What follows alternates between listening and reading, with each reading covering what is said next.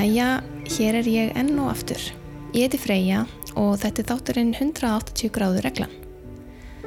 Tómas Örd Tómasson, kvikmyndatökumadur, hefur verið í bransanum í um tvo áratí. Í mörg ár var hann stjórnandi kvikmyndatöku í þáttunum um Latabæ og svo hefur hann skotið fjöldanallan af auðlýsingum, tónlistamindböndum og kvikmyndum, meðal annars myndina Arctic með Mads Mikkelsen í aðalutverki.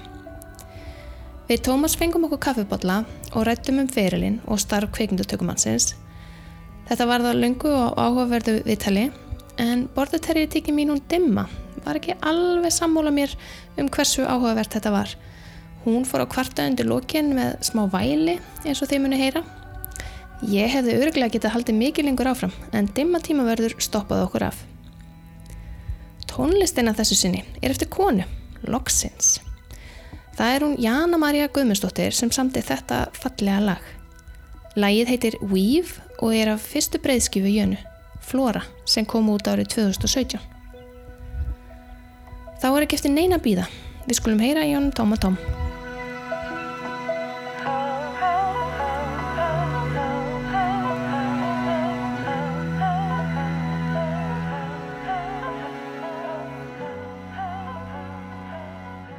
Velkomin í þáttinn, Tómas. Takk fyrir kjærlega, takk, fyrir að hafa mig. Já, og, takk fyrir að koma þátt fyrir og sérst ekki vannur svona að koma við til og tala um sjálf að þig. Já, maður er svona frekar óinni að vera, vera svona fyrir, fyrir framann og láta hlusta á sig. en hérna, hvernig byrjaði þú í þessum bransa? Fórstu í einhvern kveikmyndaskóla? Eh, þetta byrjaði nýjá mér að ég var svona með uh, framhaldsskólanum og þá ég, fór ég í vídeo nefnd og, og ráð og eitthvað svo leis og ja, tók þátt í þeim uh, eh, myndbarsverkefni sem voru verið að gera í skólunum fast að vola gaman. Kynntist alveg fullt af fólki sem hafa verið bara samfélagið mínir í gegnum tíðina. Og uh, síðan á, ætla ég alltaf að fara til eða sérst verða hérna gera heimildamindir og langa ætla að geta skrifa þér sjálfur og, og hérna klift og gert og græða allt í rauninni Þannig að eh, ég ákvaða að fara sérst, eftir framhaldsskóla í Sakfræði til þess að læra þá hliðin af því og ætlaði að vera kennari og hafa svona uh, heimildaháttagerðina sem svona sumarstarf ef svo mórið komast mm. og svo alltaf því ég var í, í háskólinum og þá voru þeir alltaf að draga í mig strákættir úr videonemndinni sem ég var með þeir voru fóru svona meira full force í að vera að gera almenna kveimdagjörn og þá vantaði alltaf einhverja tæknikalla eða einhverja að hjálpa þeim eins og mann þekkir í þessum bransa, þetta er svo mannfregu bransi og ég fór alltaf með þeim og svo, svo fann ég bara að áhugin í á mér auks, jóks alltaf uh, meira og meira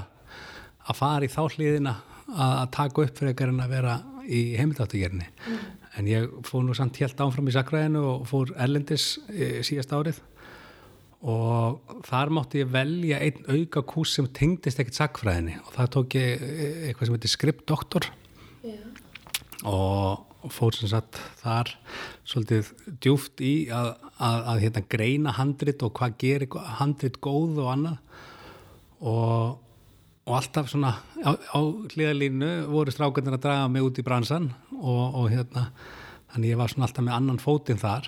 Og einhvern veginn þegar ég kom heim frá Kaupmannhöfn þá þá bauðs mér starf uh, að vinna mikið fyrir sagafilma sem að einn af strákunum í hófnum hafi ráðið sér þar sem framlegandi og, og þá einhvern veginn svona ég jógst alltaf þessi áhugi að, taka þessa lið af kveipmyndafræðinni og Þannig ég var byrjaði sem hérna, aðstofa tökumar, reyndar eh, second assistant kamera, þá var allt mynda á filmur og, var svona svolítið í því að, að hlaða filmun í magasínin og, og, og svona fylgjast með hvernig allt gekk fyrir sig. Svo með tímanum uh, hækkaði maður svo upp í að verða fyrsti aðstofatökumadur og pröfaði sér ljósadeildina og gripdeildina og pröfaði reyni alla deildir.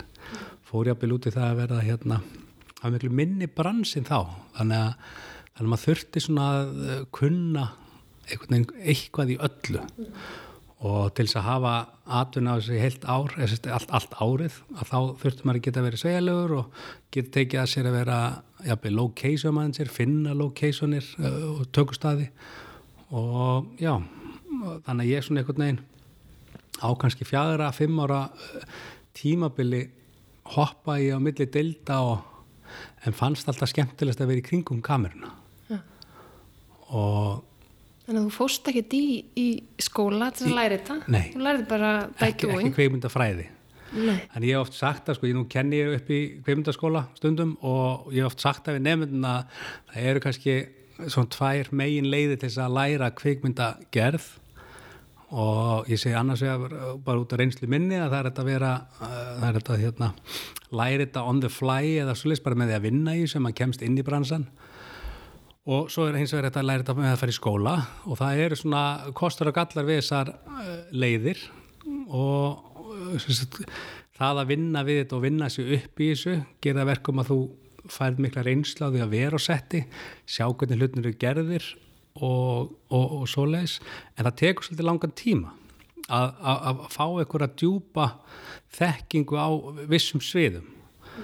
Og, en, uh, en þú kyn, kynnist inn í bransan verður svona þekkir meir og minna alla sem starfa við þetta og átt kannski einfaldina með, með því að sko fá launustörf uh, með, ef þú fyrir kveimundaskóla að þá fær maður á mjög skömmun tíma myndi ég segja uh, djúpa skilning á, á hérna þeirri tækni sem maður þarf að vera með til þess að geta orðið til dæmis kveimundatökum aður eða, eða eitthvað því um líkt.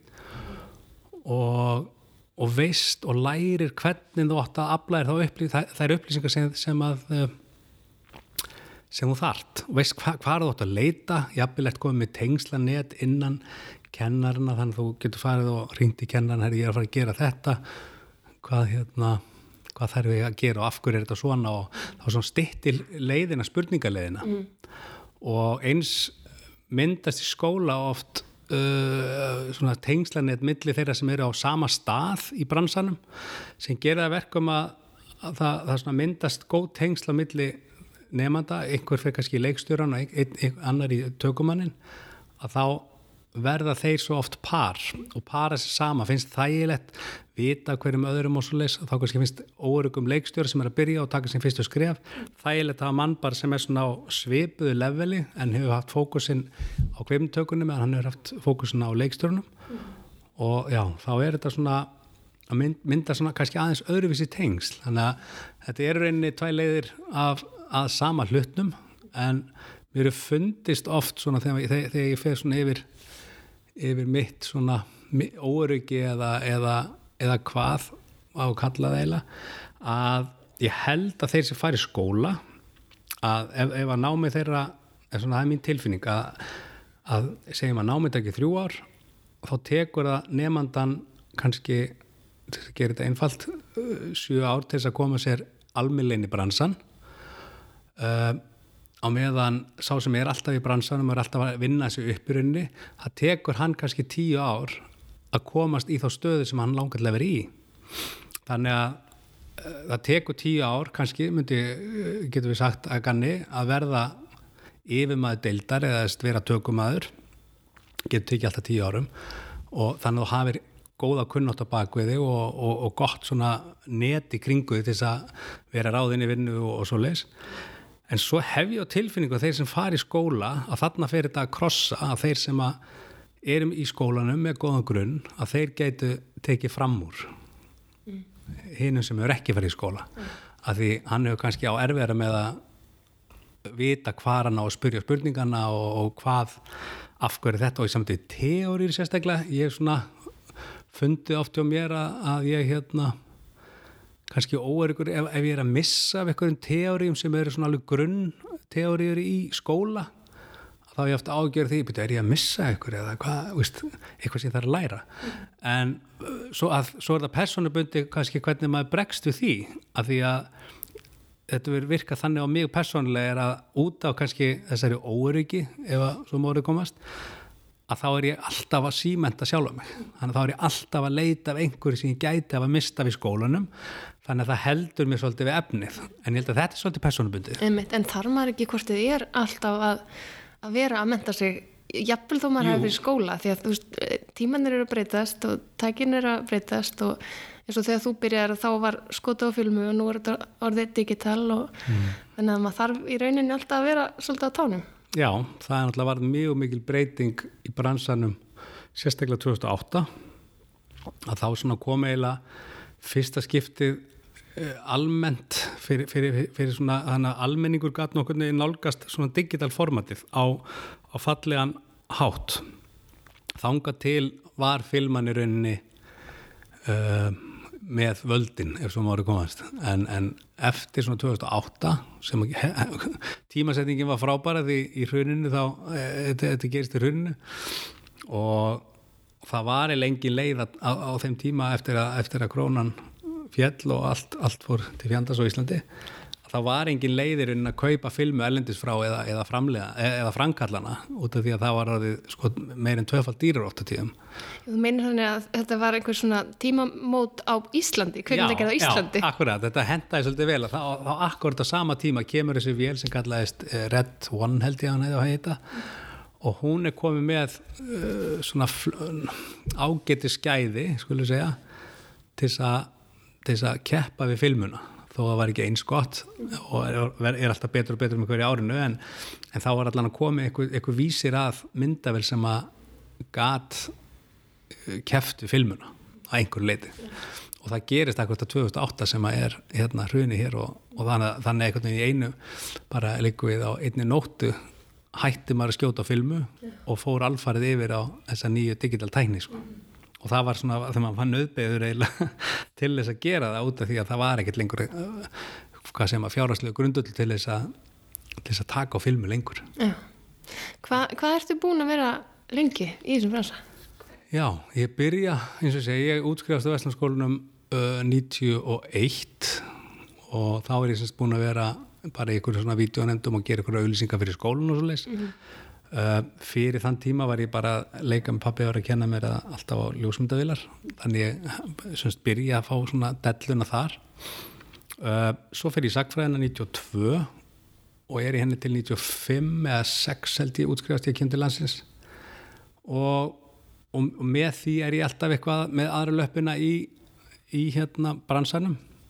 En svona aðtunlega séð þá myndi ég segja kannski byrja ég 100% að vinna í þessu bransa svona 96 og Þannig að það eru hvað, 23 ár? það er 23 ár. Já.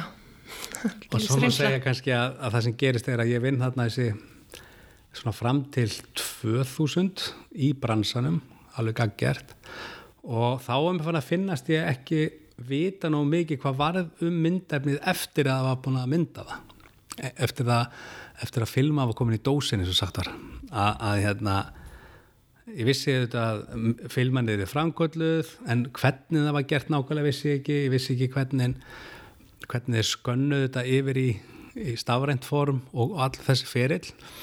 Og eins vissi ég lítið um klippingu á, á hérna myndefni og hvernig effektar voru settir inn og eftir á textar og, og alls konar skilti og svolítið stótt og mér Lit, fannst- litvinnslan líka? og litvinnslan og, og allt þetta sem er náttúrulega mjög mikilvæg fyrir kvimtökumann og það var um 2000 þegar mér byrði staða hjá fyrirtæki sem hétt þá Rauði Dreigilin var síðar uh, Storm uh, saminast öðru fyrirtæki. Og, og reyndar gekk Storm síðan inn í sagafilm og var hluta því. Þannig að, þannig að sko en, en uh, árið 2000 ef ef mér búin vinna sem semst, eftirvinnslu uh, framleiðandi í rauninni. Þannig að ég væri uh, það heitir nú post-production manager á ennsku og, og þá einhvern veginn vildu þeir nýta reynslan sem ég hefði af setti til þess að geta bæði sem sagt uh, get, gert tilbúð í auðlýsingar og svo þess að ég vissi þann hluta og sögðu að ég myndi nú læra hitt fljótt bara með því að vera, vera á staðnum. Og þetta var alveg grá upplætt fyrir mig og þannig er ég í tvö ár. Þá- Lærður að, klippa? Í, í, í raun, já, svona, ég, ég sat aldrei sjálfur við að klippa en ég lærði ferilinn, ég lærði uh, lærði semst, hvað gerist eftir að filman er búið, búið að mynda á filmuna, hvað gerist eftir að búið að frangalla, hvernig þetta er klift, hvernig skiltinu sett á og lærið allan ferilin frá því að uh, final produktið var sem sagt renderað út til síningar og, og þetta gerði ég í tvö ár. Þángar til að einhver tíma var þannig að það vantaði tökumann í einhver verkefni sem ég var að gera. Og leiksturinn sagði að, hérna, að ég myndi bara skjóta það. Og Þórum Ómar Jónsson sem var þá leikstur í háriðarreglunum og hann hérna uh, segir bara Tómi þú skýtur þú kantalega, gerir þetta bara. Við verðum að skjóta í dag, veðrið er rétt og eitthvað og, og, og ég laði mig snúti í það og ég var, fannst mig ekki verið alveg nógu örgur í það en, en við svo sem alveg að tæknilega kynni ég það. Og þá einhvern veginn eftir það verkefni að þá var ég ekkert aftur snúið. Mm. þannig að þá fann ég alveg að þetta var nákvæmlega sem ég vildi gera og vera bara tökumæður og einbytti mér að því að fullu. Mm -hmm. og það var svolítið svona ákverðun að taka vitandi það að ef þú allar alltaf inn að fara í það að vera bara tökumæður þá er þetta skrítin bransi, maður getur aldrei verið sko tökumæður í einhverju verkefni og svo aðstóð tökumæður í öðru og ljósamæður í hinnu mm. að þá það manni vilt að hálfpartin gefa það út að núna ætla ég bara að mynda mm. og þá er oft erfitt að komast inn í þann bransan að, að, að fókusera að einhverju alveg einu Já, okay. og, og hérna þetta var svolítið stór ákvörn og mm. Sem ég tek Ég bara svona velta fyrir mér hvernig þú myndir svona að því að það er kannski ekki allir hérna hlustundur sem að þekkja uh, hvað DOP eða DP stendur Já. fyrir og það er það sem er í rauninni þinn titill núorðið uh, og það versus camera operator sem er oft hérna titill líka á, á EMDB Já. hvernig hérna skilgarinn var þetta? Um þetta getur aldrei verið bara einfalt. En, en það er sem sagt uh, Director of Photography er í rauninni bara, DOP er skamstöfun eða DP eða DOP, þetta er alltaf sama er skamstöfun af bara Director of Photography.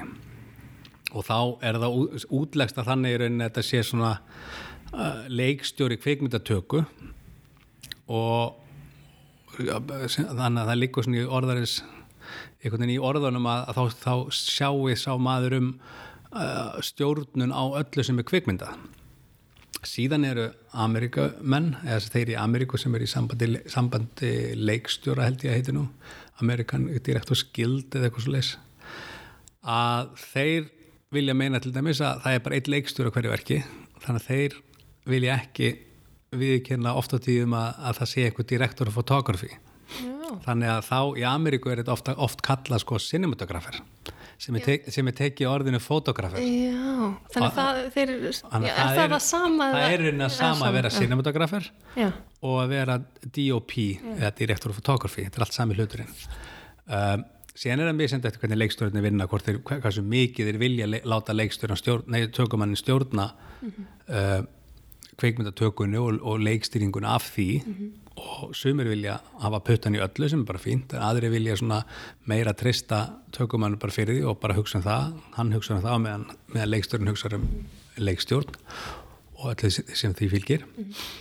uh, já þannig að það er svona það, það er svona gott að vita þetta allavega að byrja með að, þetta er svona nokkur neginn sami hluturinn og er svona skilgjöringa aðri hvort þessi cinematografer eða direktor fotografi það ferilega eftir, eftir hver í heiminn þú ert eða, eða hvernig leikstjórin sér sitt hlutverk vera, vera skipa operator síðan er í rauninni þannig að, að, að hérna uh, bíómyndur og, og verkefni eru, eru mynduð með mismyndu mörgum myndavel um hver sena, stundum er notuð bara ein myndavel og þá er, er, er hérna bara ein myndavel og oftast er þá uh, direktor fotografi á þeirri myndavil og stjórnar henni og reyfir hana en þegar þú komið fleiri myndavilar að þá getur ekki einn maður verið á þrem vélum og þá er fengið um, fengið mennin eða konur sem, a, sem eru operatorar og reyfa þá myndavilina eftir leiðsögn uh, kveimdatökumassis mm.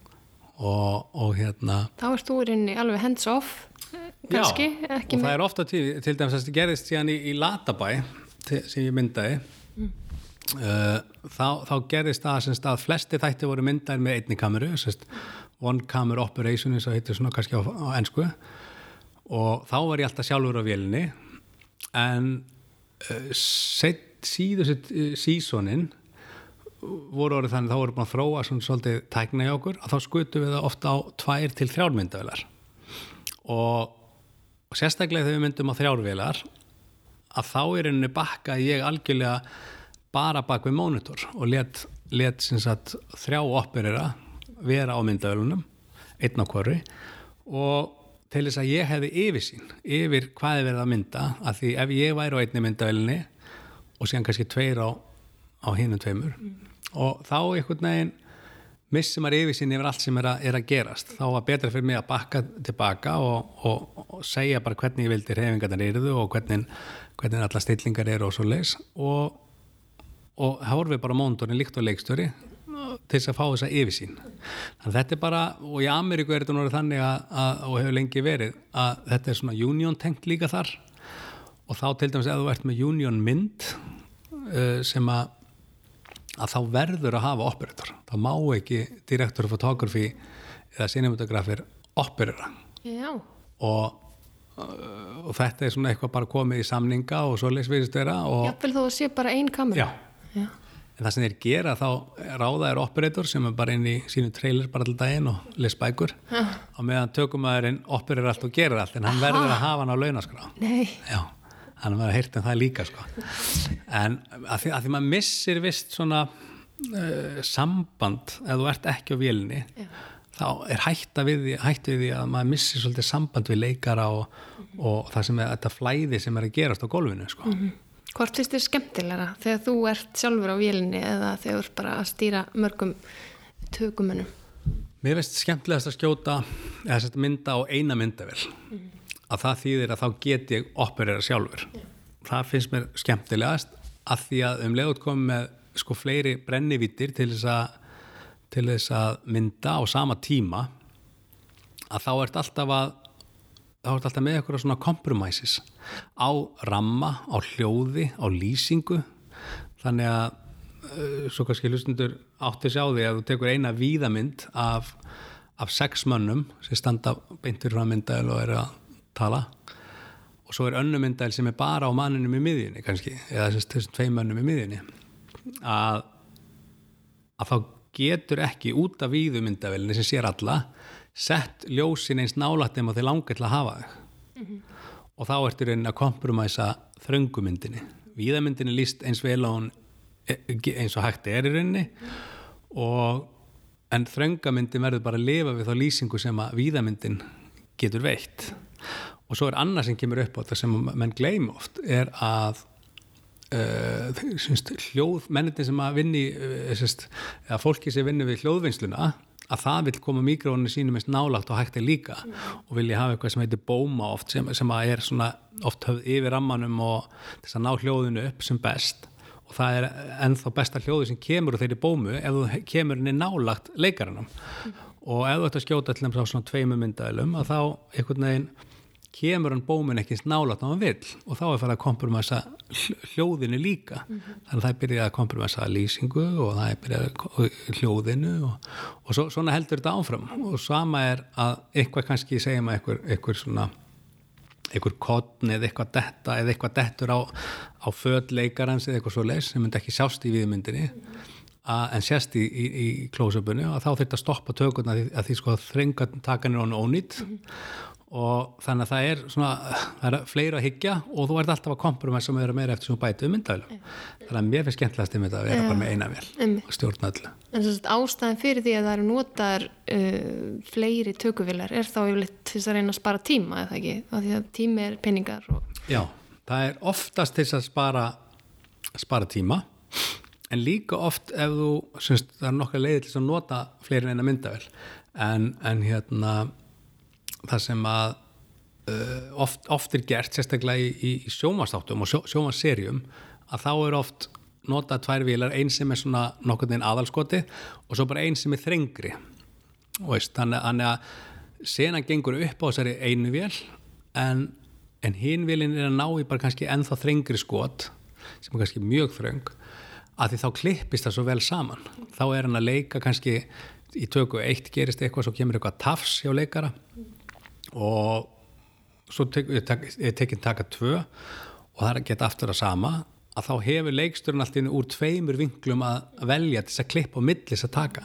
Eða jafnvel ef að kemur tafs að, að þá hægir leikar ná svo hann kemur eitthvað uh, uh, og svo heldur hann áfram að þá næra hann að fara í nota sömu tökuna en hoppar á milli í ekstra þröngt og svo aftur yfir víðaskoti til þess að hlutinni klippast betur saman. Þannig að ofta það gert líka en alltaf þú kemur með fleirin eina myndalinn þá ert alltaf að, að kompromæsa einhverju Já Hvernig er svona, um, um, ert þú með þitt svona teimi sem að þú vilt helst alltaf vinna með? Um, svona, ertu ekki með AC, AC, first AC og second AC og svona sem að eru þínu förstu samstagsmenn eða hvernig er það? Um, ég haft hann hátinn á þetta er alveg uh, svona fyrir mikið eftir bara hver eru lausi líka og svo leis en ég hef svona haft hann hátinn á einhvern veginn því ég vann svo lengi í Latabæ. Við vorum að mynda frá 2004 til 2014 on og off. Uh, og ég einhvern veginn auðvitað myndast þarna góð tengsl á milli stafsmanna og stafskrafta og ég hef svona einhvern veginn haft hann hátinn á hinga til að, að, að hérna, leita fyrst í þeirra og síðan kannski ykkur annar ef þeir eru ekki lausir. Mm þannig að ég er svona reynda og ég veit ekki endilega hvort það kallast tryggðið eða eitthvað svoleiðs, þetta er meira kannski ég þarf að tala minna við þá. Þeir veita, veita miklu meira hvað ég er að hugsa. Og, og, og svolítið skrítið eftir sem ég þarf að tala minna við þá þeim mun betra og hraðar gangur hlutinni fyrir sig. Að, að, að, að hérna, það er mun að segja að þetta er svona medium hraður trakkur að reyfa myndæluna að vinstilega hæri medium að þá ef ég er með óvannu manni eða það er að segja manni sem er kannski vanur en ekki vanur mér að þá fyrir honum með medium eitthvað allt annað heldur en fyrir mér og en, en maður sem er búin að vinna með mér í mörg ár að hann veit bara hvað hraði ég er, hvað hraða ég er að tala um já. á þess að ég þurfa að skýra eða, eða einhverju æfingu í það að finna hvernig mm. já, finna hvernig hvað hraðin er já. Er það sama með ljósamann?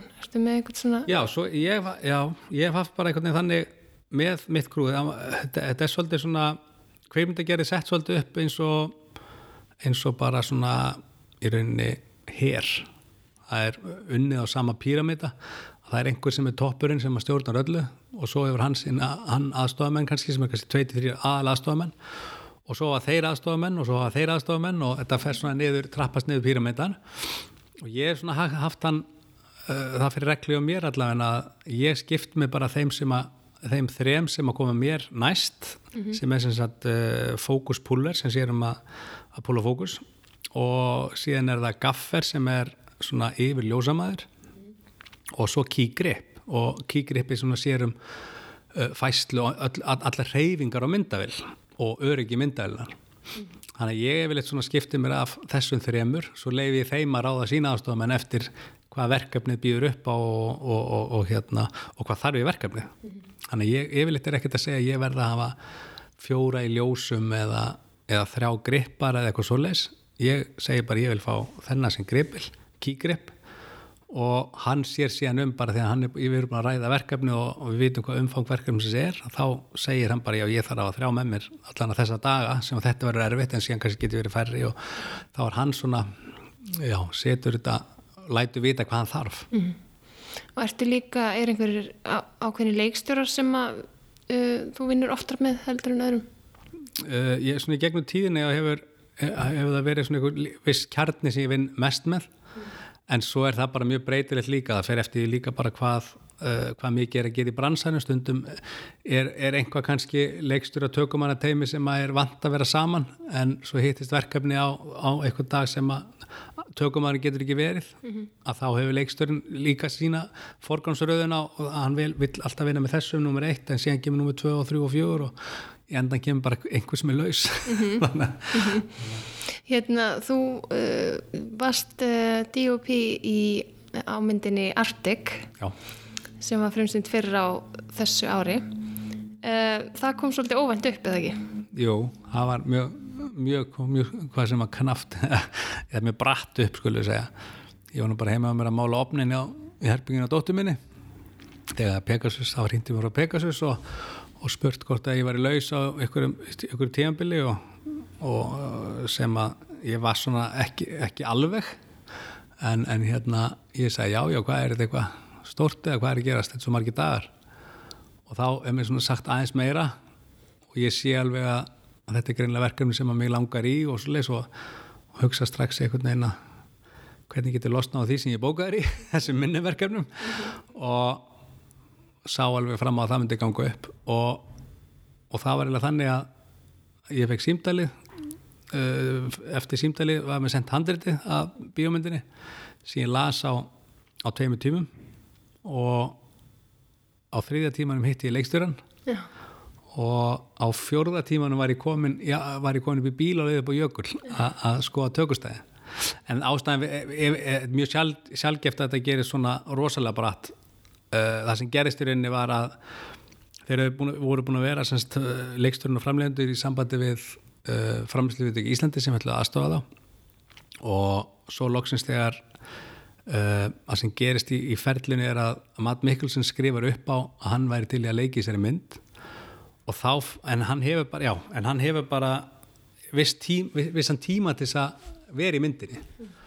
Og leiðu eitthvað en hann skrifur upp á og þetta, þeir sjá að þetta er mögulegt að gera á þessum tíma ramma sem hann er að tala um að þá út af hans nafni allt henni full fjármagnast myndin 1 og 7 og, og þeir eru bara sjálfur, þetta gerist eiginlega líka svona hjá þeim, að leikstörunum og framlegandurum að þeir eru bara allt henni konur í fluguleit í Íslands að, að negla niður loka tökustæði ekki bara eitthvað að, að, að filosóferi um þegar við gerum myndina þegar hún er full fjármögnuð og eitthvað svoleiðs þannig að, það, þetta var mjög brætti á þeim.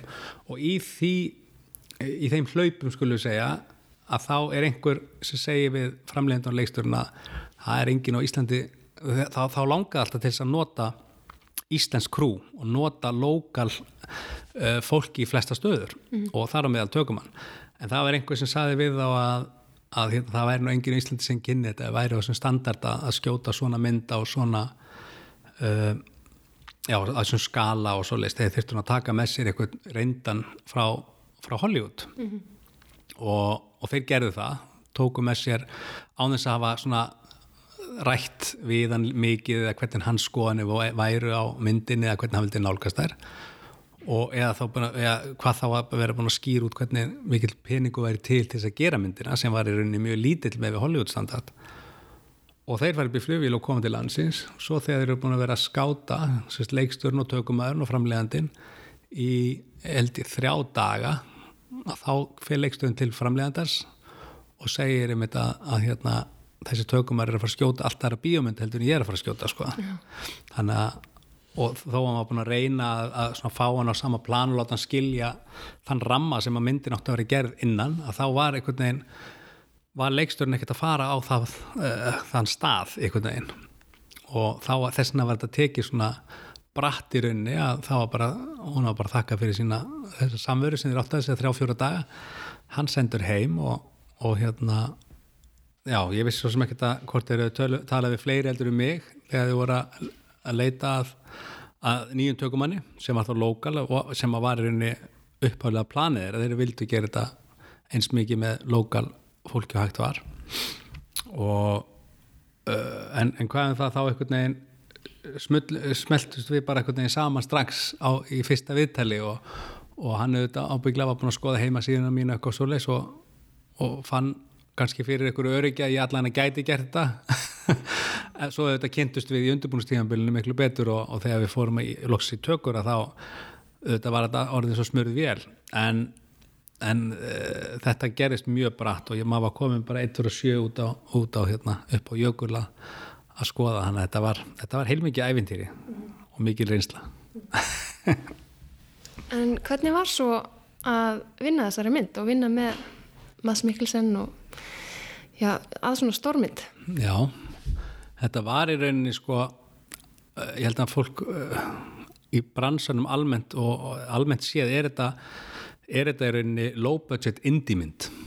Að, að þó svo að þeir komi frá Hollywood og það er hægt að segja þessi Hollywood mynd að þá er þetta í rauninni og var gert allt sem sagt planið í kringu myndina var gert og smíða þannig að þetta erði mjög ódýr mynd og ég veit nú ekki hvað, hvað hérna framlýstu kostaða myndarina var en, en ég held að, að það hefur bara verið svona rétt kannski rúmlega eh, íslensk bíómynd svona stærri íslensk bíómynd.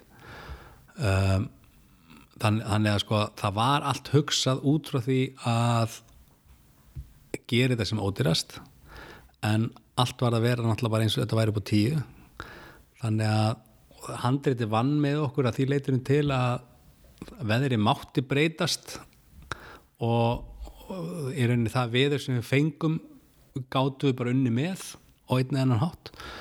Við höfðum lítið uh, í, flug, í myndinni er, er lítil flugvél sem hann átti að hafa brotlendi og, og þegar það var alveg brjála veður að það var ekki stætt úti að þá höfðu við uh, allavega það var að við gáttum stokkið inn í flugvílin og skoti innitöku þar. Þannig að við gátum nýtt svona nokkur neginn alla töku dagana sem okkur voru gefnir.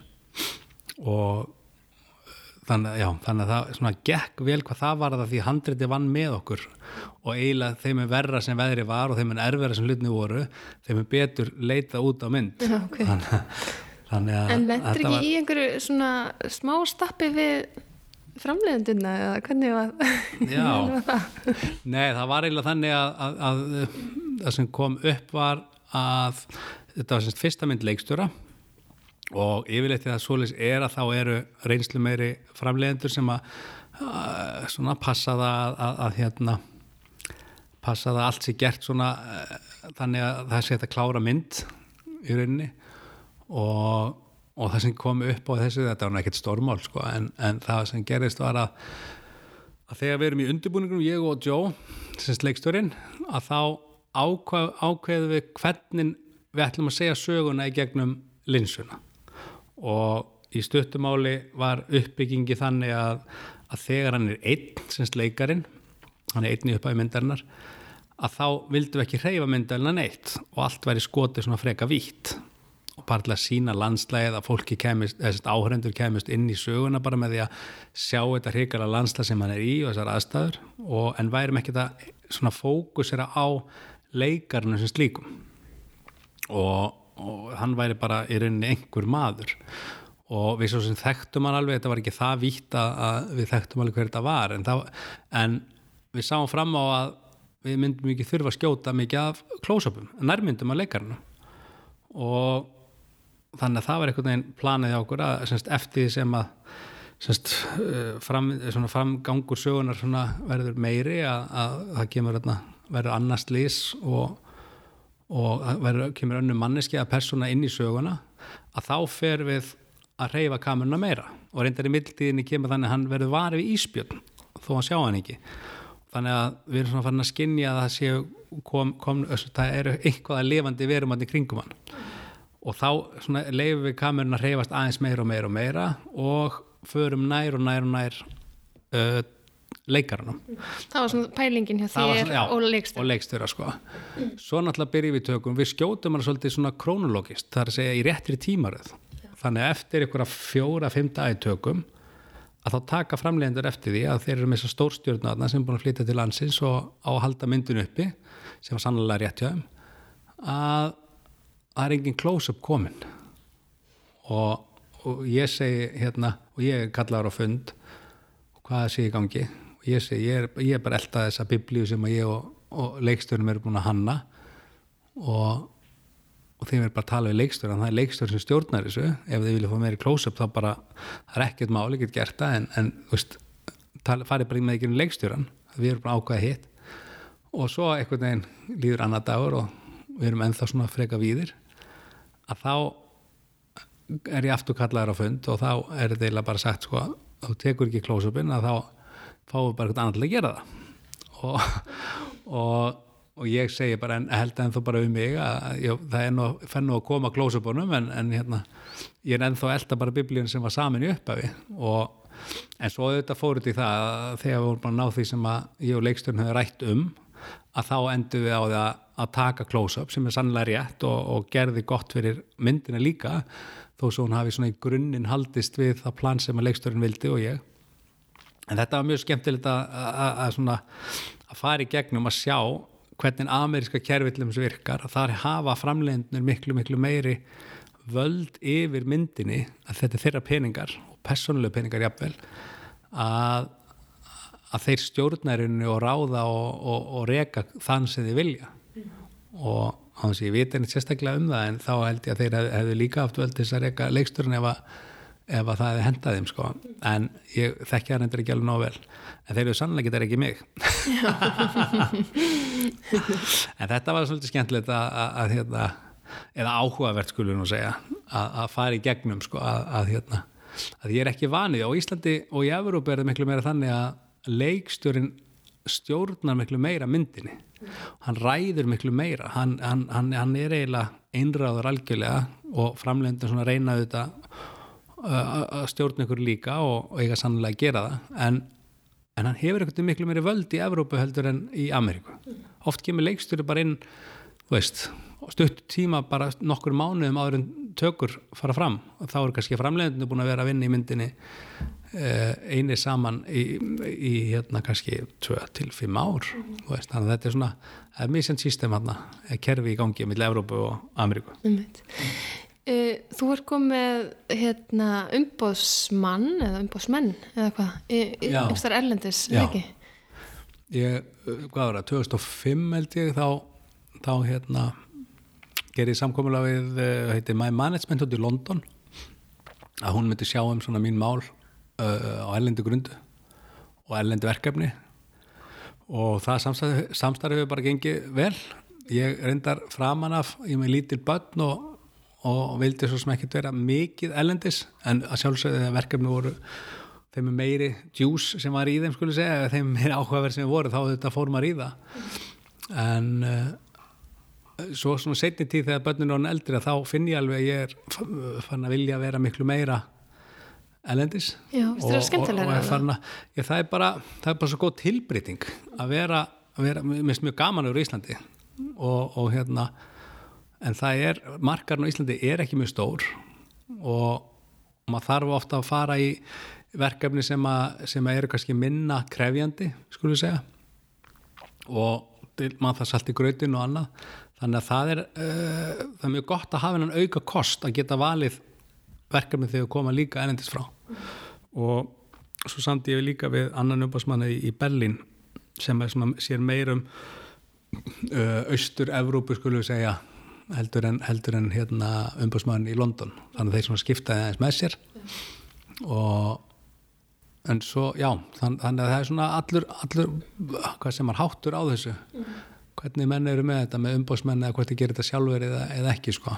En hvernig hérna uh, hvernig finnst þér svona að vera að vinna, að fara í verkefni úti þar sem þú ert þá kannski að vinna með fólki sem að þú þekkir ekki neitt uh, versus það að vera hérna á Íslandi og ert að vinna með svona þínu fólki og þú þekkir svona kannski margar sem eru með þér í tökuleiði og svona mm. hver er uh, hver er svona kostinir gallanir við það? Um, kostinir er klárlega þeirra að með nýja fólki læra maður alltaf eitthvað nýtt mm og nýja leiði til þess að leysa sama hlut er alltaf gott að hafa í, í, í vopnabúrunu sínu. Þannig að það er klálega að maður læri nýtt og, og lærir hérna, að það er hægt að gera hlutina á fleirin einn hátt. Uh, ókostnir eru auðvitað þannig að það er maður að vera með fólki sem maður kannski les ekki eins vel inn á mann eins og fólk sem maður unni með lengi.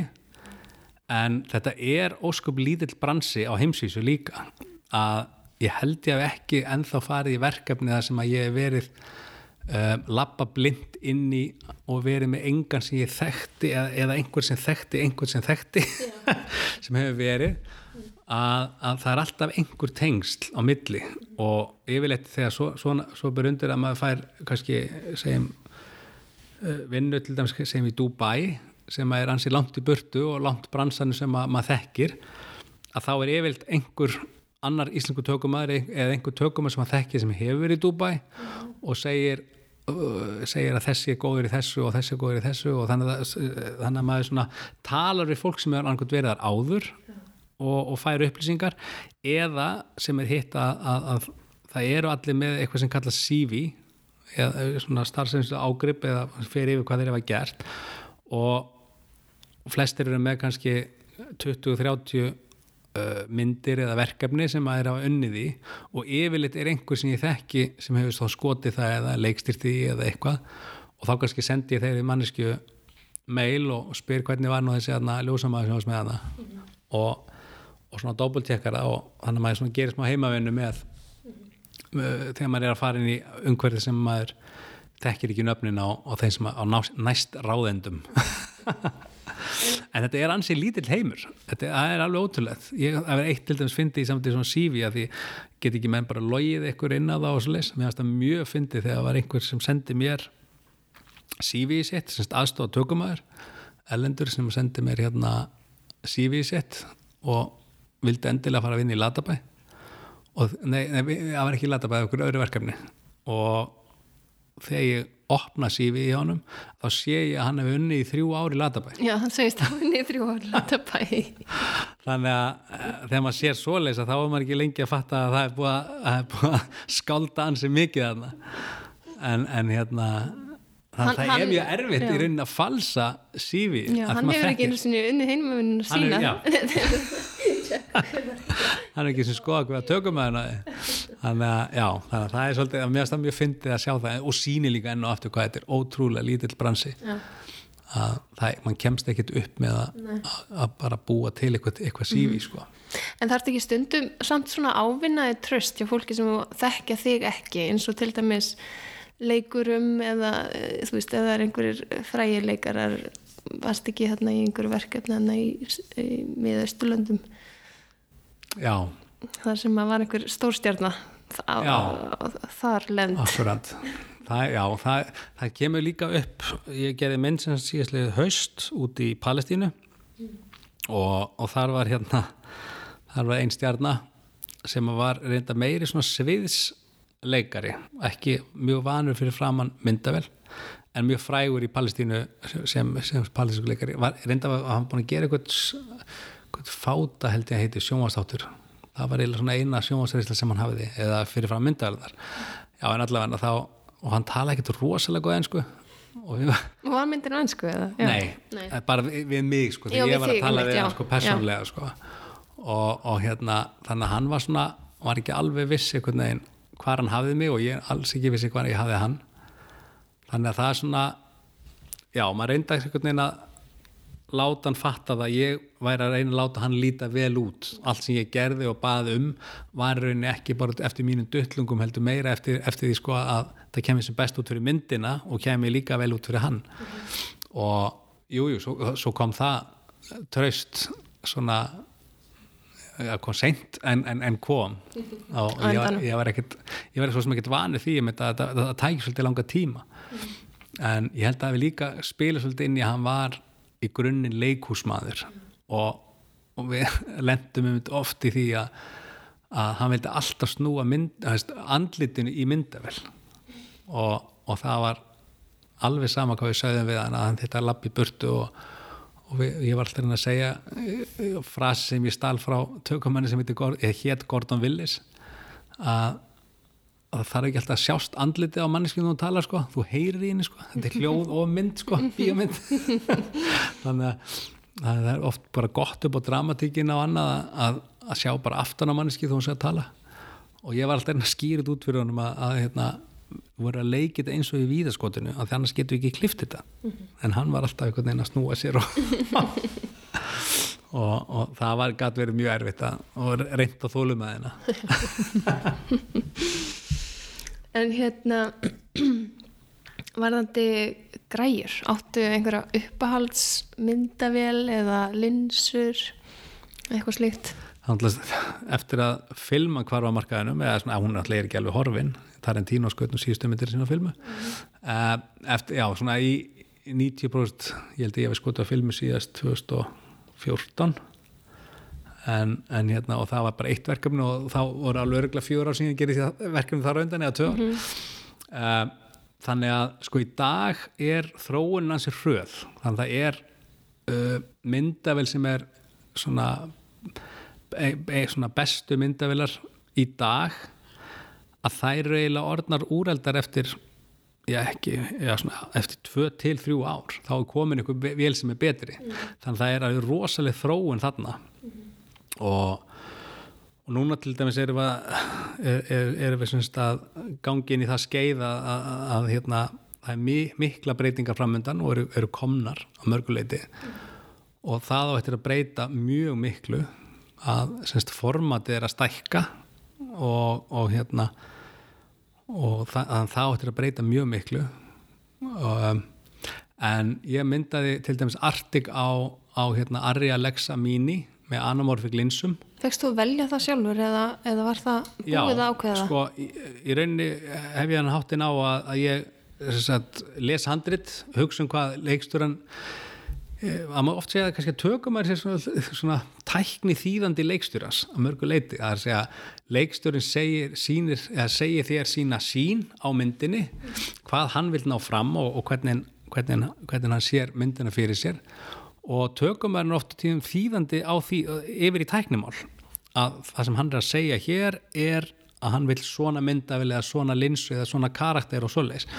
Um, þegar, þegar mann er búin að fara í gegnum þetta mann er farin átt að sá því hvað leiksturinn er að leita að að þá hendur maður saman sko tækjalista og yfirleitt uh, hef ég það þannig sem reglu að ég hugsa ekkert um budget eða, eða hvað mikið, pening, eh, mikið peningum ég hef í græðunar heldur gerir svona minn uppáhaldslista ótengt peningum. Síðan þegar sálist er komin að þá sendi það til framlegandans og framlegandi reiknar út, fær, fær kvót eins og það heitir, eða verð tilbóð í, í, í græðunar og þá byrjar rosa mikið svona compromise dans í rauninni. Að þá yfirleitt er þannig að þetta er alltaf dýrt og þá þarf að gera eitthvað compromise. Og þá einhvern veginn trappa maður sér niður og, oft hef ég, hef ég þetta verið reglu hjá mér að ég ég sagt læt framlegandan og leiksturum vita þegar ég er búin að skera listan það mikið niður að nú fer það sjást á gæðum. Nú þurfum við að fara niður í næsta þrepp og það eru auðsjónlega mikill gæðamunur þar á. Þannig að þannig að maður byrjaði að henda fínu fjörunum af þanga til að við erum konur alvinnir á bot mm -hmm. Með tækjalista þá er það ekki bara kameran, það er líka ljósinn og Já, það er það er, er myndavillin sjálf, það er, er linsutnar Uh, allur auka búnaður sem er notað til þess að láta allt saman ganga, allar snúrur og, og, og, og allar festingar og svo leiðis. Svo er það allt gripdót, gripdót er svona dóti sem að myndavælinn sett ón á og til þess að færa myndavælinn, svo krani eða dolli sem að færa myndavælina til, það er ljósmyndahausinn og lappirnar og svo leiðis og jafnvel festingar til að festa myndavælina á bíl til þess að geta kert með myndavælina utan á bílnum. Og síðan eru ljósinn og ljós allt sem því við kemur. Og, og hérna standar og, og, og svo ramagn að því þessi ljós þurfa náttúrulega yfirlt mjög mikið ramagn sem er enda orðið mjög mikil breyting á núna því með tilkomu LED ljósa að, að þá er svona ramags þörfin mingaðaðins en, en einhver sér mjög mikil ramagsþörf og og ég yfirleitt hef haft háttin á að ég segi svona í grunninn á tækilegstunum hvað ég þarf sem er svona, sem ég veit að eru dýritækin og, og telja mikið í budgeti.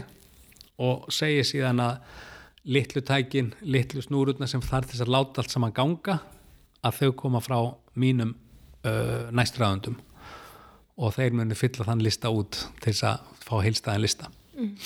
en yfirleitt er það svona í byrjun þreyfingar til þess að finna hvar myndin er stödd, hvað hún hefur efna á að gera og síðan fer maður svona dýpur og dýpar þegar maður er farin að nálgast þann stað sem að framlegendu geta sætt sér við og, og allir geta sætt sér við. Mm. Af því öll vil ég vist fá greitt fyrir vinnun okkar. Já. ekki eða öll í, í hérna, tæki og tól Já. En svona eh, finnst þér ég veit ekki, mér finnst allavega stundu vera svona ákveði viðhorf eða já, mætti kannski kalla miskiling að halda að góð mynd eða þú veist gott lúk í kveikmynd sé að hérna, liggja aðalega bara á því að vera með góða myndavil og góða linsur uh, en hérna tækni búnaðurinn þurfi bara að vera top notes og þá séu þetta flott. En þetta er náttúrulega svo margt meira. Þú þarf náttúrulega að vera með hæfileika ríkan DOP sem kann að nota þessa græður og, og svo er það náttúrulega hérna leikmyndin og, og hérna lýsingin, þetta skiptir allt, allt svo rosalega miklu máli og í rauninni þú veist, jafnvel kannski meira máli heldur en græjan sjálf, eða hvað hva segir þú? Já ég kannski byrjaði að segja að eftir sín læri meira um kveikmyndagerð og, og svona, auðvitað með reynslu að þá fatta ég, er ég alltaf að fatta betur og betur hversu ótrúlega flókið það er að gera bíómynd. Til þess að allt smelli rétt saman. Og þetta er allt saman einhvern veginn uh, þetta er allt voðalega mikið af, af kompromæs til þess að geta gert þetta þá er þetta ekki að gera þetta og þetta er svona einhvern veginn út um allt einhvern veginn. Það er allir að, að snýða stakk eftir, eftir vexti og, og stærð myndarinnar. En mín svona grunn hugmynd um kveipmyndigerð og hvaða tækja og nota og annað er rauninni sko að það sem skiptir mestu máli er góð saga. Ef að sagan er ekki lægi að þá er engi myndavili að linsa fyrir að laga það sko. Þannig að þú verður að hafa góða sögu, áhugaverða sögu. Uh, þannig að það myndi segja að vera algjörlega nummer eitt. Og í rauninni í kjölfara því maður segja sko allt sem að sérst í mynd að ég myndi segja peningatinni að fara að þanga ég myndi miklu frekar vilja skjóta mynd með Matt Mikkelsen á iPhone frekar en að frá, fá sko sigga frendina ömmu sem engin veit hver er og kann ekki leika Já. til þess að leika sama hlutverk mm. Með rosalega fallir og góðum linsum og, og, og tækjum og tólum sko. þannig, að, þannig að það er alltaf til þess að koma góður í sögu til skila og þartu góðan leikara ja. og það er fyrir og þannig að ég myndi sko ef ég er í framlegandi þá myndi ég sem að flesti framlegandi gera að þeir þeir einbita sér að góður í sögu fara síðan í að fá góðan leikara að því leikarinn er ekki bara að leika gott hlutverk í myndinni kannski heldur líka er hann að, er hann að sjá um allt kynningastar myndarinnar. Hann er, það er alltaf hann sem er í viðtölum. Það er sko alminningur hefur miklu meiri áhuga því uh, að heyra hvað leikarinn hefur að segja heldur en að heldur en að tala um hvað tækjur notur til að skera myndina og það sést eiginlega bara á því að uh, hversu marga leikara getur hver og einn þulluð upp sko sem að manna eftir hvað heitir og hvernig lítur út. Að getur að flesti getur náttúrulega talið 50 uh, leikara en fæstir kannski fleiri eldur en 5 tökumenn. Vita hvað er heita. Og þannig að sko þannig ég myndi segja alltaf nummer 1 er sagan nummer 2 er, já kannski leikstörun reyndar að, að fá hann. En, en svona leikstjóru og, og leikar eru hérna mjög mikilvægir. Svo er það leikmynd sem skiptir gífilega miklu máli til þess að sko, ef þú trúir ekki uh, því setupi sem að leikstjórun leggur upp með þannig ákveðst stæmi er Linda Dogwill sem að, sem að hérna uh, Lasso Trier gerði Mitt, veist, með yngi leikmyndir bara, bara teiknaði gólf hver vekkit nátt að vera svona. En leiðan er búin að selja það selja áhörnduna það, að þá virkar það. Mm -hmm. og það er bara vel gert inn að vera ramma sem hann vildi að veri mm -hmm. sama á við leikmynd að, að, að þetta er ekki alltaf, það er ekki alltaf verið hverju svaka dýr leikmynd eða að byggja hérna heilu kastalana eða svoleiðis, heldur bara að það rými við það sem að leikstörin og sagan seldi uppafi mm -hmm. og það sé konsistant og haldi sér út myndið, það skiptir gífulega máli. Uh, þannig að eh, kannski til að svara spurningunni beint er í rauninni að, að góð tæki geta og eiga að, að, að sko í rauninni supporta það sem er fyrir framamyndaðilina þau geta bara hjálpað myndinni en þau geta aldrei gert myndina. Og það er gífilega mikilvægt átt að sjá þannig en, en þetta með að hérna að myndir séu eða myndavélar séu ok, það eru komnar 4K og örgulega 8K líka og hvað verður næst? 16K eða er þetta endalust hversu, þú veist, er þetta ekki svolítið ef að það er eina einu framfærðna alltaf hversu mjög K eru? Upplýsning sko þetta, þetta K-dæmi allt saman að það er eiginlega meira bara eins og markastæki. Já, það er, það er ekkert allir uh, það er, svona bíómyndir eru enþá síndar flestar í 2K í, í bíósölum og myndvarparnir sínit evilt í, í, í tveimu káum það er komið nokkur hús sem er sínit í fjórum káum og það svona er að detti að vera standardin en uh, ég til dæmis myndaði Arctic á, á, á hérna 3,4 ká mm. og á, á hérna þessi Ari Mini og, og það var alveg, alveg meiri nóð þannig sko en, en uh, það er svona kannski oflóki að fara út í hér hverju munur á, á í sambandu þessi K en kannski má enda með að segja að K og K er ekki alltaf sama. Að það fyrir líka skipti máli sko hvað er á bakvið semst, hvern pixel sem er í myndinni. Það er hvað hva, hva myndel og hvernig mynda viljum vinna með það þannig að þetta er svolítið svona kannski flóki mál en, en til, ég, svona, með gruna það að markasfræðingar og svolítið hafi í öllu þessu tækni flóði er einni fundi bara út að það veri einfaldast að, að, að fólk myndi skilja ef að myndæl væri 4K og þá væri 6K betri og stærri, meira betra, dýrara. Þú veist, þannig að ég held að það er bara einfaldast, þetta gerir sama þegar það var farið frá standard vídeo yfir í high definition, að þá hitt allt high definition, alveg sama hvað það var mm -hmm. þú veist, ef, ef bara pixelatum voru nómargir til þess að vera löglegir high definition, þá hitt það bara high definition en eins og segi K og K er ekki alltaf sama sko. En hérna, þú þú varst lengi að vinna hérna í Latabæ og þá varst í rauninni fastráðinn alveg í mörg ár eiginlega og, og svo hérna kláraru það eða Latabær klárast. Og þá ertu aftur komin á frílandsmarkaðin Aftur komin á göttuna Já, aftur komin á göttuna hvernig, hvernig var það? Var það erfitt? Um, það, það sem að Latabærinni gerði, hann gerði mér mjög gott með að, að hérna að vera svona, stanslut að gera sama hlutin aftur, aftur, aftur. Maður læriði alveg gífulega mikið af því svona að vera konsistandi sinni vinnu. Og lati bara veilt unni þannig að, að tökurna voru kannski eitt ár og síðan kom frágangur að ganga frá og klippa saman og hljóðsetta og sluðis og það tók kannski halvt ár ár. Og svo kom, fóru undirbúningur í gang sem var kannski sex mánuðir og svo fóru tökur í gang.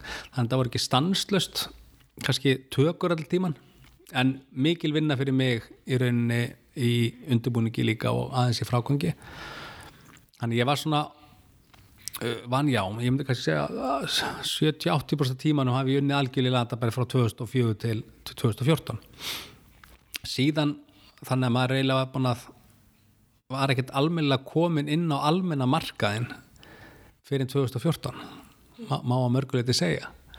Og og ég fann að mig langaði mest þess að fara í bíómyndir. Ég reynda að náða að gera ykkur þrjár bíómyndir held ég og svona í þessum fríköplum sem voru á milli uh, þess að var tekið.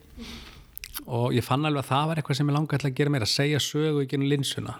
Og þannig ég fór mjög svona mikið í það að reyna að koma mér í í bíómyndaverkefni. Og en það tekur tíma að þegar þú kemur til dæmis út það sem gerist í rauninni í Latabæ var að við ætlum að vera tvö orði viðbót, við áttum að vera til 2016 en svo breytist eitthvað eignahald á, á, á, á fyrirtækinu og, og hérna ykkur stjórnendur úti og það var ákveðið að hætta fyrr og það kom svolítið bratt upp á.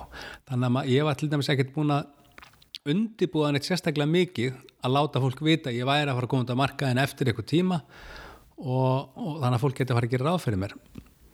Og kveimundikir er þannig að það tekur ofta tíum fimm ár að undirbú, þangat frá, frá því að ákveðir að fara, fara í myndina og byrjaðir að fjármagnina þangat er nú fyrir tökur, tekur kannski fimm ár. Eða veist, ef það gengur vel þá, þá er það kannski tvö ár. Þannig að þegar ég kem út sagt, úr Latabæ 2014 og byrja svona að reyna að koma mér inn í markaðinn og og svo leis, að þá vissi ég raunin alveg að, að sko fyrsta mynd sem ég myndi skjóta veist, sem ég kemist inn í myndi aldrei verið fyrir 2015-2016 af því, að því það er bara þau verkefni sem fór í, í vinslu 2014 og, og 15 það var löngu búið að ráða tökumann í það og, og það var löngu byrjað að hugsa það dæmi allt út. Þannig að uh, ég er svona með það í huga einbetið mér að hérna komast í auðlýsingarnar og slús svo vann ég mjög mikið af uh, listrannum vídeo fyrir Ragnar Kjartansson og var svona uh, var mikið þýðend og þölur frá hans sín yfir í tæknimál og hvernig best var að gera þetta og vann mjög mikið með honum. Og svo í auðlýsingum og svo var ég alltaf með að kynna mig að endilega með huga sem tökum hann á bíomundir ef eitthvað er á stað. Og svo gerist það að að minna nú hafi verið á Ari Kristins nei ekki Ari Kristins heldur Ari Alsander hann hérna var að fara á stað með, með sína mynd hérna undir halastjörnu og hann vildi pröfa mig í, í hérna hvort, í, hvort hann vildi vinna með mér eða ekki. Þannig að við tókum svona eitt location scout skoðum tökustæði. Ég pröfaði myndavélina og við vorum svona að þreyfa okkur um öðrum. Hann aðeins að þreyfa mér. Að finna hvort að ég væri maður sem hann vildi vinna með í myndinni. Og, og það var ofan á að ég myndi taka myndina. Og, og við skutum hana mann ekki 2016-17 eða eitthvað. Og svo var ég heppin að fá aðra mynd þarna í kjölfarið.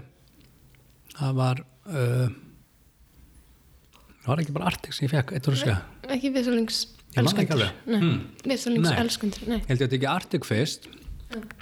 Eftir að búið með Mikael þá fóru við í Arctic og það haust fekk ég síðan Veselins elskundur já. Þannig að það kom ansi svona mikið að myndu sem að svona fjall í fangið að mér einhvern veginn. Sem var mjög ánægilegt og svo tók ég þessar palesinsku mynd þarna líka sem að koma einhvern veginn líka á mjög, mjög, mjög stuttum fyrirvara. En svo gerði ég líka eins og segi fyrir Ragnar Kjartarsson svona einhver eh, listræn verkefni og eitt af þeim til dæmis var svona listræn ég vil segja listræn bíómynd en ásins ég segi listræn út úr því að hún var synd á fjórum skjáum en ekki einum eins og kannski hefðbundið er. Og svo gerði ég eina mynd fyrir Íslenska dansflokkin þannig að þetta kom svona einhvern veginn svona, ég var ár kannski að koma mér einhvern veginn inn og svo einhvern veginn fjall þetta svolítið í fangi ég bara að ég held vera bara svolítið heppin að koma svo snemma. Ég er með, hérna, við erum búin að tala bara vel lengi saman, bara bú- búið að vera frábært. Ég er samt með eina spurningu viðbót, en hérna, hundurinn er farin að væla, ég ætla að hleypa henni út, já, svo kem ég að Já, svona áður en ég sleppi þér, þá hérna, eh, langaði mig að, ég veit ekki hvort þetta sé spurning eða bara svona observasjón eða komment á það hérna, svona mín e, sín eða svona stereotypiska hugmynd um kveikmyndatökumann er að vera e, kannski, ég veit ekki flýspessu og, og þælum fötum og hérna og með þykka húu eða eitthvað slitt en, en þú ert alltaf svo finn í tauginu alltaf með sixpensaran meira á já. jakli já, já og, og ert jafnvel í hérna, fínu vesti og sparibugsum hérna, þú sért með 10 kilo tökuvél á öxlinni. Já, já, það verður að vera fínn í tauginu sko. Nei, þetta kom nú kannski til fyrst kannski slisaðist inn inn í þessa átt og, og síðan var þetta gríni og, og, síðan hefur þetta bara haldist við mig. Það, þetta var eiginlega þannig í Latabæ að þá uh, voru ljósin mjög, mikið hangandi í loftinu og, og ég hérna var alltaf með svona baseball cap. Hérna svona bara, eh, hvað heitir þetta náttúr þetta heitir derhúa, Já. svona, já, en svona ameríska derhúu. Og hérna og til þess að skýla, sérst að ljósin væri ekki alltaf í augunum á mér. Svo náttúrulega liðu árin og ég eldist og, og mér fannst svona því ég var að nálgast færtugt að hérna að þessi stíl var ekki alveg að gera sig sko, að, að vera alltaf með einhverja baseball cap. Þannig ég færði mig yfir og fann einhvern svona sixpensara svona hefbundi, svona klassískan breskan heldri manna sixpensara. Nei, og, og hérna og fór að nota hann í Latabæ og svo er ég alltaf að vinna líka með Ragnar Kjartansinni og hann er mikið að hann klæði sig alltaf, hann er alltaf fín í tauginu. Og þannig að það er svona einhvern tíma þegar við fórum til Ameríku að gera eitthvað verkefni saman að þá fannst mér að svolítið grína að ég myndi uh, klæða mig nákvæmlega eins og hann. Þar sé ekki eins fötum en við værum í sama stíl. Þannig við vorum eins og tveir svona heldri menn þarna á leiði til Ameríku. Og þetta var bara svo skemmtilegt og gerði einhvern veginn bara dagana svo skemmtilega að ve- að vera svona að hafa annað auka verkefni að vera bara fítn í taugin og, og svona. Að þetta einhvern veginn svona festist við mig bara. Og, mig, og svo fatta ég líka sko að ég var að gera verkefni í London og ég spila golf. Og tek oft golfkilluta með mér í þessi ferðalög eða þess að ég er að vinna ellendis og hérna en ég hafði ekki tekið inn golfföt með mér en var í fötuna síðan alltaf í svona tvítfötum öllar fötum. Og ég seg, segi við hérna ég veit gafferi með þá sem semst, kíkja með mér í golf uh, ég, ég, ég segi bara ég held ég komist ég er með engi föt til að vera í golfi. Og hann segi bara hvað meinar það og þetta bara klættur eins og bara tilbúin fyrir völlin og ég, þá hafði ég heldur spila golf í, svona tvítfötum. Og, og ég bara, já, já, það er kannski það er rétt hjá þér. Og ég, við förum saman, ég klættur í tvítutunum mínum og, og svona. Og, og finn bara þetta er frábær föt að vinni og veri tegjalegt og andavel og svona, og eru hlý líka og svona þannig að ég fór, fór að nota miklu meira líka í vinnunni og ég er bara alltaf í þessu þannig að, þannig að ég fann bara þetta er frábær föt þetta er bara bestu, hlýjastu föt sem að maður getur verið í, svo er þetta svona silki fóðruða innan. Þannig taka vindi líka. Ég til þeim, já ég skaut alla artik í, í tvítfötum Já, upp á, á jökli. en reynda kannski stundu þegar, þegar mikið snjófók var þá, þá hérna var ég nú í einhver sem kastaði snjónu betur frá sér einhverjum, úlpu og vindi og svolítið, en nei, ég var alltaf í, í hérna, tvítbuksunum og vestunni innanundir sko Skemmtilegt, það verður Já. svona flottan stíl. Svo passar það bara vel við. Já, algjörlega. Takk kærlega fyrir spjallið og komuna. Takk fyrir að mig